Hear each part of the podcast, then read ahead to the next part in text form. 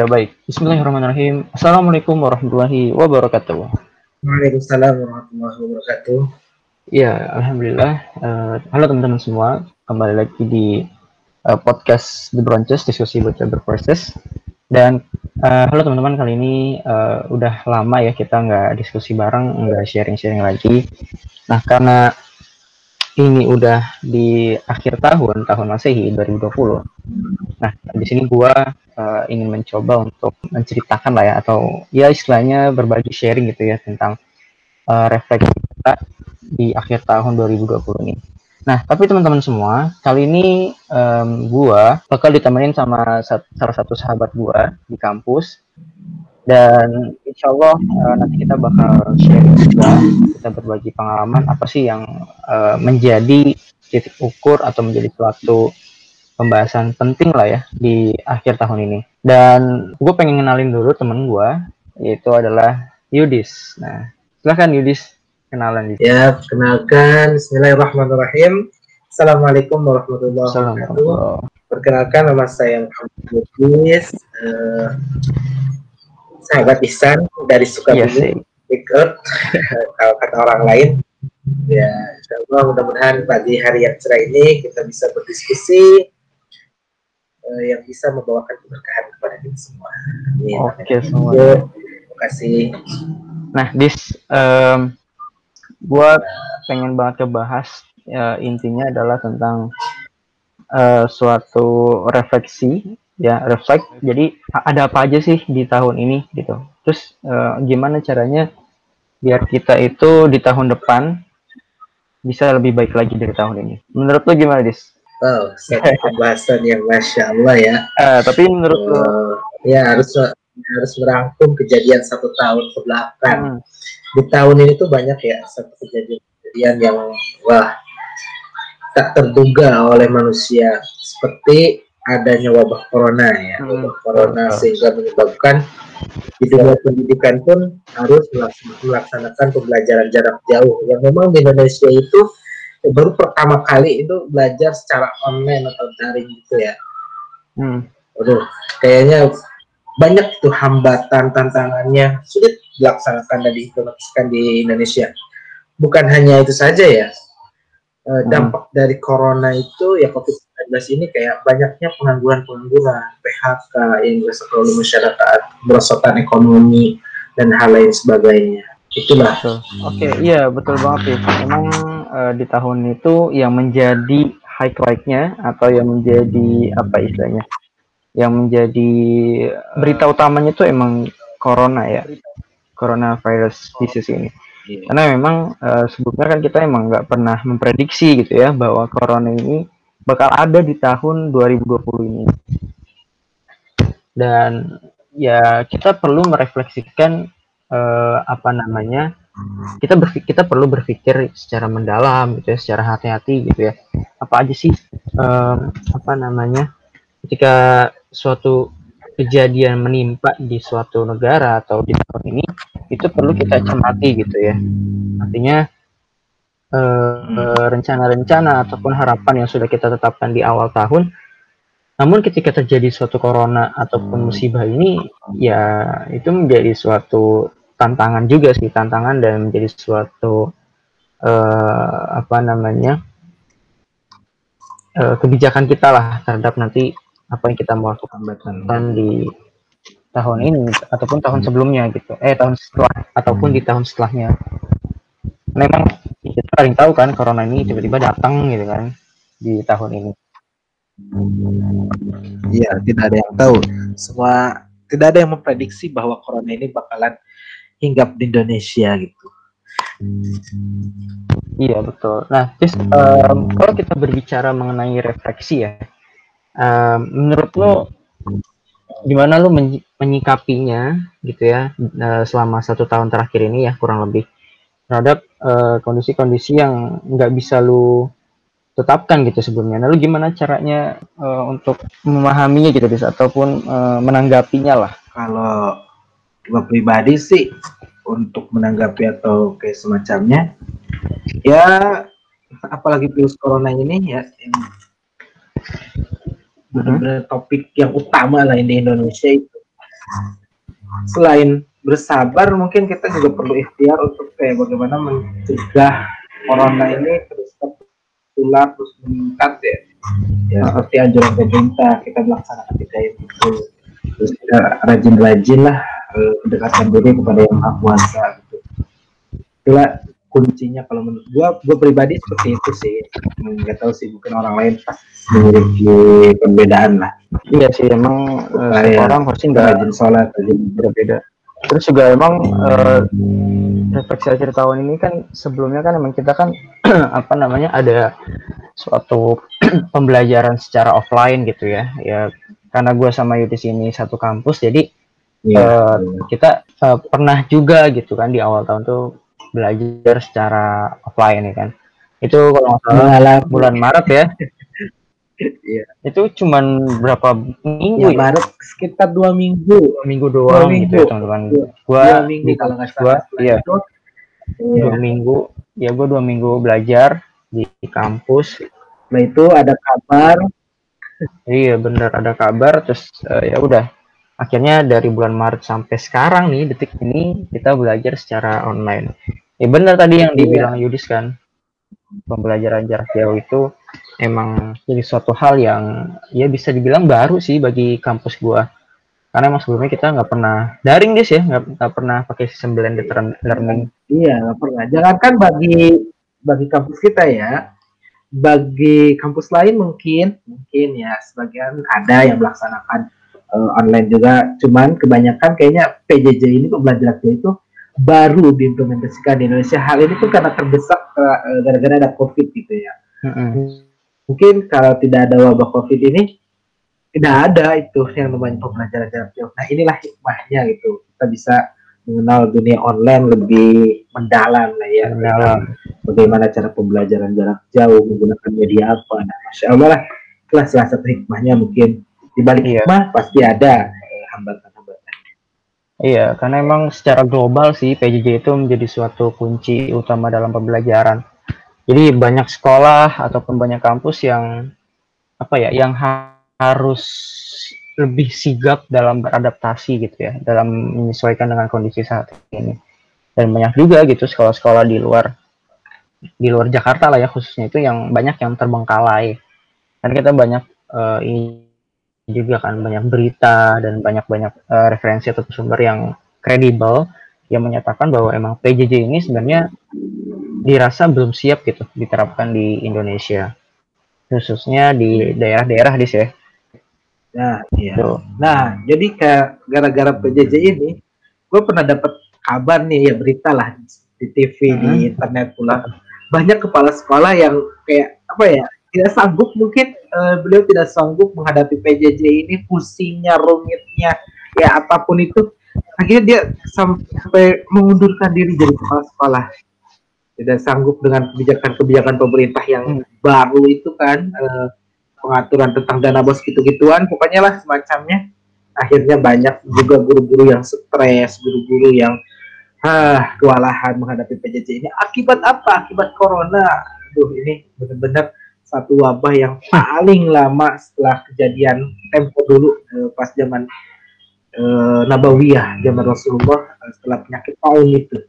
Insya Allah ya sungguh nih kita mengalami Oh, ternyata iya, iya. Iya. Dan Nah, menurut- kita juga nggak bisa prediksi kan corona saat ini tuh kelarnya kapan. ya menurut lo nih apa sih gitu eh, kendalanya di dunia pendidikan itu akibat corona selain PJJ gitu apa saja gitu kan Iya, sebenarnya banyak sih hambatan-hambatan yang kita jumpai gitu ya di dunia perkuliahan ataupun pembelajaran secara daring. Tapi eh, yang menjadi highlightnya itu emang sebenarnya di masalah ini sih di pengoperasian sistem komputer gitu ya. Karena eh, nggak semua orang Iya, ataupun iya. semua guru lah ya, terutama guru ataupun kita sebagai murid itu mengerti secara komprehensif gitu dalam pengoperasian sistem uh, komputer gitu, terutama aplikasi-aplikasi uh, teleconference yang mendukung dalam proses pembelajaran gitu. Uh, ini ada salah satu fenomena juga nih, fenomena yang baru muncul gitu ya, karena akibat dari uh, PJJ ini gitu. Nah, apa fenomena itu? Nah, fenomena itu adalah uh, salah satu hambatannya itu apa namanya Zoom fatigue ya. Nah, Zoom yeah. itu sebenarnya uh, suatu fenomena di mana ketika kita entah itu peserta didik ataupun guru ya, itu mengalami suatu perasaan yang capek gitu, yang gelisah gitu, cemas dalam uh, kegiatan jenuh, ya? Iya jenuh gitu. Ini jenuh dalam menghadapi kegiatan pembelajaran ataupun kegiatan yang menggunakan uh, aplikasi telekonferensi gitu. Jadi ini sebenarnya uh, apa namanya yeah. ya? sebenarnya bukan gangguan psikologis sih tapi emang perasaan capek aja gitu lu pernah ngerasain gak sih capek lemas gitu kan cemas lah dalam menggunakan capek banget asli nah itu berarti lu kita duduk ya kan dari pagi hingga hingga sore kita mantengin laptop itu pakai zoom ini. Nggak seindah ketika kita belajar uh, secara offline meskipun duduk berjam-jam tapi kita ada canda tawa dengan uh teman kawan uh, dosen atau guru kan. Ada hiburannya lah. Nah ini tidak ada hiburan sama sekali. Kita hiburannya nonton YouTube lagi uh, WA IG nonton Twitter Facebook. Mungkin itu hiburan kita kan selama ini ya nonton iya, film. pasti itu semua orang mengalami itu. Pasti rasa jenuh. Iya, benar. Banyak eh, kendala-kendala uh, akibat dari corona ini ya. Uh, salah satunya itu PJJ. Nah, gue juga uh, pernah memperhatikan nih uh, kayak gimana sistem penilaian dari PJJ ini akibat dari corona itu. Guru itu mungkin ya, gue ini kayak berasumsi mungkin guru itu memberikan nilai kepada siswa itu berdasarkan apa yang dia inginkan gitu. Sudah melihat uh, seperti halnya kita belajar uh, offline gitu ya. Kayak ngasal atau gimana mungkin itulah kelebihan guru ya bisa mengetahui karakteristik siswanya uh, meskipun tidak tatap muka langsung gitu. Gue pernah dapat satu kasus di dekat-dekat atau di daerah gue itu guru itu memberikan ya asal nilainya tidak ada uh, ulangan apalagi pembelajarannya itu ya terserah lu lah gitu. Kalau menurut kita ya terserah lu mau belajar atau tidak yang penting nih soal kerjakan. Bahkan eh, akibat PJJ ini siswa itu bukan mengerjakan cara pribadi tapi melalui online itu nggak ada itu. Allah Akbar. Kekeliruan kalau iya. menurut gua iya betul. Jadi emang uh, apa namanya di masa saat ini ya ya mungkin beberapa bulan terakhir ini kita itu lebih sering menghabiskan waktu kita itu untuk ya diskusi secara online menggunakan aplikasi teleconference gitu. Bahkan bisa aja ya satu orang seorang itu uh, eh, 12 jam bahkan bisa lebih gitu dalam penggunaan aplikasi Zoom ini ya kayak kita lah kan kita kan uh, mahasiswa nih ya, ya di mana mahasiswa itu kita banyak kegiatan yang seharusnya dilakukan secara offline di kampus gitu ya. Dengan mengikuti berbagai macam kegiatan di organisasi baik itu di dalam ataupun di luar organisasi eh di di luar kampus. Tapi ketika masuk ke eranya corona nih ya kita tuh apa ya lebih banyak di sana ngabisin ya di aplikasi teleconference yang bisa melebihi 12 jam pemakaiannya ya, ya. 12 jam bahkan sampai 15 jam tuh ya enggak apa namanya ya wajar. Iya saya pokoknya dalam penggunaan itu. Itu kita bisa menyebabkan namanya suatu fenomena zoom fatigue perasaan gelisah capek ya kan? Ya, nah distrust uh, dalam menghadapi entah sampai kapan ya ya entah sampai kapan ini wabah covid ini menghilang di permukaan bumi ini. Iya kita terus ini aja kita terus berdoa aja lah ya. Semoga corona cepat menghilang cepat kelar gitu. Dan bahkan amin, kan, amin, amin. Uh, gue sempat baca berita gitu ya. Indonesia tuh untuk um, anggaran dalam uh, meng, apa namanya menghasilkan vaksin itu gue lupa vaksin apa tapi intinya anggaran yang di apa yang dianggarkan untuk vaksin itu sebesar 72 triliun gitu. Ini sebenarnya out of topic sih. Tapi ya ya gitu deh. Semoga aja vaksinnya cepat ada gitu kan. Dan cepat kelar coronanya. Amin. Jadi kita nggak berlarut-larut terhadap corona ini. Semoga ini cepat-cepat hilang lah pokoknya gitu. Udah nggak betah di rumah mulu, nggak udah nggak betah PJJ, kasihan juga orang tua kita yang eh, ekonominya merosot benar-benar merosot ya Allah. Iya, betul ya Allah. Benar gak sih eh, ekonomi dunia lah bukan Indonesia Iya. saja itu mengalami kemerosotan. Sebenarnya emang itu bukan hanya di pendidikan kan. Iya, refleksi kita itu bukan hanya terkait pendidikan sebenarnya. Karena emang semua komponen, semua elemen itu kena dampaknya. Nggak ada yang nggak kena, semuanya Iya. pasti kena. Semuanya pasti kena akibat eh, corona ini. Cuman emang eh, apa namanya? Ya ada sisi baiknya juga gitu ketika corona terjadi. Corona ada. Ya salah satunya Ya, itu hikmahnya. Nah, menurut lu apa di hikmah ataupun pelajaran yang bisa kita petik dari adanya corona ini, Dis? hikmahnya ya. Hikmahnya itu yang pertama kita eh, bisa istilahnya menjaga kebersihan. Sesuai dengan perintah Allah kan kita harus menjaga kebersihan suci pokoknya dari apa pun itu. Eh, bahkan eh, guru kita guru kita nih Kiai Haji Abdullah bin Nastiar itu menyebutkan dua hikmah gitu kan. Dua hikmah eh, adanya virus corona ini. Yang pertama itu semakin yakin bahwa Allah sungguh maha kuasa terhadap eh, makhluknya. Allah maha kuasa, Allah maha besar dapat menjadikan dunia ini kayak berhenti seketika gitu kan, tidak ada kehidupan eh, istilahnya. Nah, langsung kan semua dirumahkan lah ya, apa pun itu berbasis online di rumah bahkan sampai eh, ibadah pun di rumah. Nah itulah adanya corona yang pertama.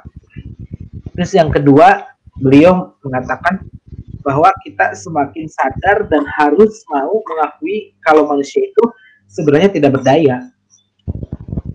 Mau Hmm. sepintar apa pun, sekaya apa pun, nasehat ses- sesehat apa pun, ternyata ketika didatangkan wabah virus, semuanya menjadi lemah, tidak berdaya Iya. ba- eh, da- pemerintahan rakyat itu semua jadi lemah gitu nggak ada apa-apanya di hadapan Allah. Cuman eh, gara-gara satu virus yang kecil dan tak, tak nampak Iya. gitu kan virusnya Eh, tak terlihat lah. Maksudnya itu segede apa nggak tahu kita tapi kayak aduh itu benar-benar ujian banget. Nah, terus tadi gue juga nyinggung tentang kebersihan. Itu tuh Iya.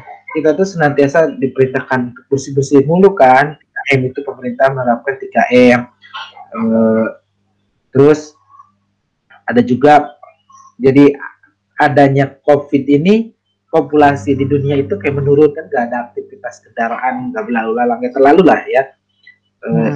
berikutnya itu kita eh, lebih meningkatkan solidaritasnya gitu loh solidaritas antar sesama Eh, contohnya itu orang-orang atau yang mungkin terkena dampak COVID ini ekonominya melemah dibantulah sama eh, orang-orang yang memiliki kelebihan harta. Banyaklah bantuan-bantuan yang kita rasakan eh, akibat adanya COVID ini. Salah satunya kan kita pernah dengar terus mungkin khususnya gue pribadi alhamdulillah dari pemerintah mendapatkan bantuan kayak bansos gitu ya Ya, meskipun ya ada juga kejadian yang tak terduga oleh kita.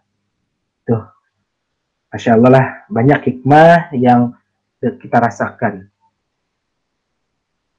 nah kita sebagai mahasiswa sebagai pelajar dengan adanya corona ini jangan mengeluh. Aduh ini PJJ aduh gini gini. Jangan. Kita harus tetap semangat mencari ilmunya gitu kan. Mencari ilmu eh, walaupun betul. banyak hambatan-hambatan kendala walaupun melalui online itu aduh hikmah yang tidak bisa eh, dikatakan dan hanya bisa dirasakan oleh kita gitu kan. Orang lain mungkin eh, pendahulu-pendahulu kita lah ya mengal tidak mengalami pendidikan berbasis online seperti ini cuman kita inilah hikmahnya kita bisa merasakan bagaimana sih kuliah daring itu itu menjadi satu pengalaman bagi kita ternyata ya inilah begini kuliah daring itu Iya. Inilah rasanya. berdua coba kalau gimana Eh, Oke, kalau dari gua, karena lu tadi nyebutnya ada dua, jadi gua du- juga dua nih. Jadi hikmah yang ketiga lah ya, ketiga karena kan dari lu kan dua. Iya. Nah, menurut gua hikmah yang ketiga itu adalah Iya. kita itu ketika dihadapi suatu ini kita bilang aja musibah ya musibah internasional musibah besar. Nah ketika kita dihadapi musibah ya. memang musibah ini. Musibah besar eh, kalau di dalam Islam dan mungkin agama lain juga eh, apa namanya memperkuat suatu prinsip yang di mana dinamakan sebagai suatu bentuk sabaran. Nah kalau di Islam ini kan sabar kan ada tiga macam ya ya kan ada yang iya, pertama sabar dalam ketaatan, sabar dalam maksiat, dan iya. sabar dalam menghadapi cobaan. Nah, yang ketiga ini kita uh, diuji gitu ya oleh pencipta kita yang menghadirkan suatu virus di mana uh, emang dari kejadian-kejadian itu semua kita diharuskan untuk lebih bersabar lebih lebih tinggi lagi gitu terhadap musibah ini. Jadi uh, apa namanya suatu kadar keimanan kan juga bisa diukur gitu ya dengan iya. kesabaran dan kalau kita refleksikan gitu ya, banyak sekali uh, mungkin saja ya, mungkin saja itu uh, keinginan ataupun harapan dari seseorang yang ketika sudah dibuat ataupun sudah dibuat listnya gitu ya di awal tahun 2020, tapi ketika terjadi suatu wabah ini kan mengharuskan orang itu kan menjadi lebih sabar gitu ya terkait uh, ketidakcapaian terhadap uh, harapan atau tujuan yang diinginkan di tahun ini. Nah, dengan adanya kesabaran itu oh ini uh, apa namanya bisa menguji juga gitu ya seseorang gitu ya. Apakah dia sabar dalam menghadapi ujian ini ataupun tidak. Nah terus uh, yang keempat gitu ya hikmah yang bisa kita petik tuh sebenarnya ini guys. Ini yang paling penting. Uh, menurut gue ya menurut gue pribadi ini paling penting. Jadi uh, kita itu menjadi lebih dekat gitu dengan keluarga. Dengan ayah ibu adik apa dan sebagainya. Kenapa gue bilang ini ya. menjadi satu hikmah gitu ya? Karena uh, pengalaman gue pribadi gitu ya kalau misalkan corona ini nggak ada pasti uh, gue lebih sering uh, berada di luar. Gue berada gue lebih sering berada dengan teman-teman gue ataupun orang lain yang berada di lingkungan kampus ataupun lingkungan organisasi. Nah kemudian ketika terjadi suatu corona nih uh, gue merasakan banget gitu. Gue menjadi lebih dekat gitu sama keluarga gue mulai dari sholat bareng di rumah gitu kan makan bareng dan sebagainya. Dan ini kan menjadi suatu momen yang yang memorable dah ataupun momen yang yang gua rasa nggak bisa datang dua kali gitu. Jadi ini emang benar-benar harus dimanfaatkan gitu ya. Harus bisa dimaksimalkan gitu walaupun ya apa namanya ya ada keterbatasan juga gitu. Jadi itu sih menurut gua hikmah dan pelajaran yang bisa diambil lah secara umum dengan adanya uh, kejadian satu tahun belakang ini. Itu dis. Kalau dari gua. Ya benar-benar dalam Al-Quran itu ada tentang sabar malah banyak ya. Gua mengutip satu membaca satu Quran surat Al Imran ayat 200 nya gak bro. Uh, yang berbunyi ya ayyuhalladzina amanu siru wasabiru warobitu wattaqullaha la'allakum tuflihun. Wahai orang-orang yang beriman, bersabarlah dan lipat gandakanlah kesabaran kalian.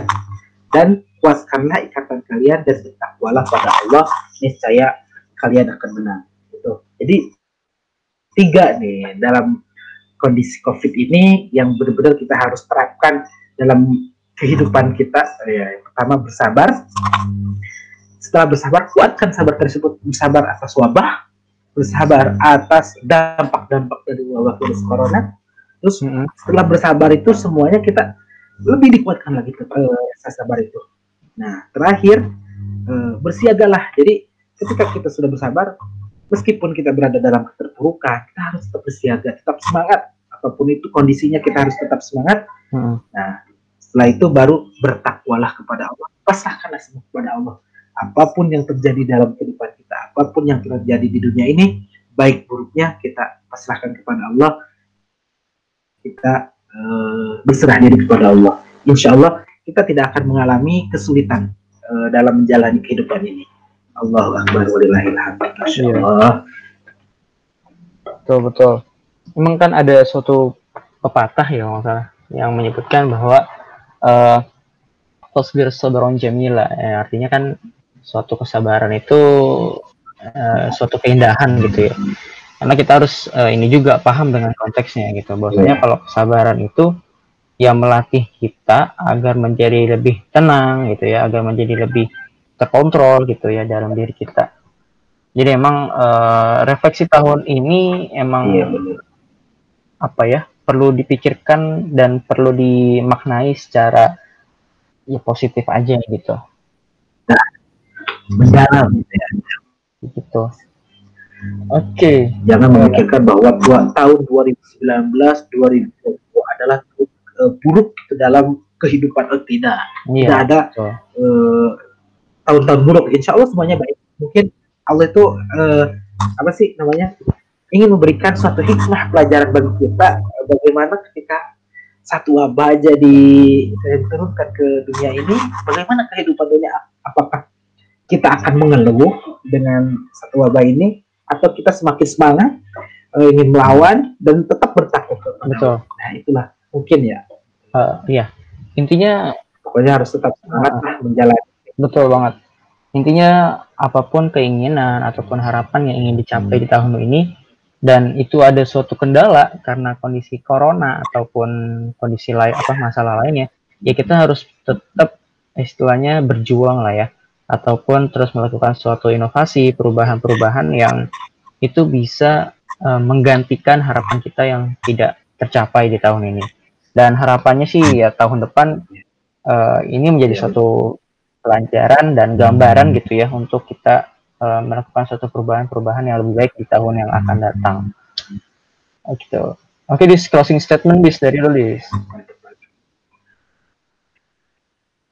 Closing statement gua tadi sebenarnya gue hampir menyampaikan closing statement ya udah gue ulangi jadi meskipun dunia ini sedang mengalami keterpurukan, sedang mengalami satu permasalahan yang sangat besar itu tingkat sampai tingkat internasional, kita harus tetap semangat menjalani aktivitas baik itu di dalam dunia pendidikan kita sebagai uh, mahasiswa ataupun uh, kita sebagai warga negara kita harus patuh.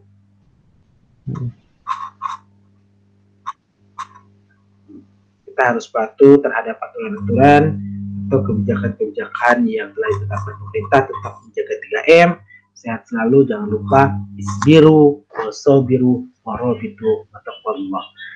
Kita harus tetap bertakwa kepada Allah dan harus lebih dekat kepada Allah. Semoga uh, wabah COVID-19 ini uh, segera pergi dari dunia. Uh, ke mana aja terserah. Yang penting jangan di permukaan bumi ini. Allah menghilangkannya semoga Allah tetap menghilangkannya. Tetap semangat. Jangan lupa sekali lagi 3M cuci tangan. Memakai masker, masker menjaga jarak dan Allah menjaga jarak. Oke, okay. ya, ya. Ah, mantap banget nih diskusinya, walaupun kurang lama ya. karena biasanya emang uh, gua diskusi itu biasanya lebih dari sejam gitu ya. Tapi uh, karena Yudis ada kegiatan lain jadi kita harus cukupkan. Dan insya Allah nanti ke depannya kita bakal diskusi lagi ya Yudis ya bareng Yudis. Kita ngebahas kita ngebahas tentang ya apa pun yang sekiranya itu bisa membawa manfaat gitu ya buat teman-teman semua. Nah akhir kata dari gua uh, tetap terapkan gitu ya terapkan protokol kesehatan kalau teman-teman mau keluar gitu ya. Jangan sampai terbengkalai dan jangan sampai uh, kita menyakiti diri kita sendiri gitu ya nah kurang lebih mohon maaf teman-teman kalau ada salah dari saya ataupun dari Yudis mohon dimaafkan. Dan jangan lupa sebar uh, diskusi kita ini ke teman-teman semuanya. Sekian terima kasih. Assalamualaikum warahmatullahi wabarakatuh. Waalaikumsalam warahmatullahi wabarakatuh.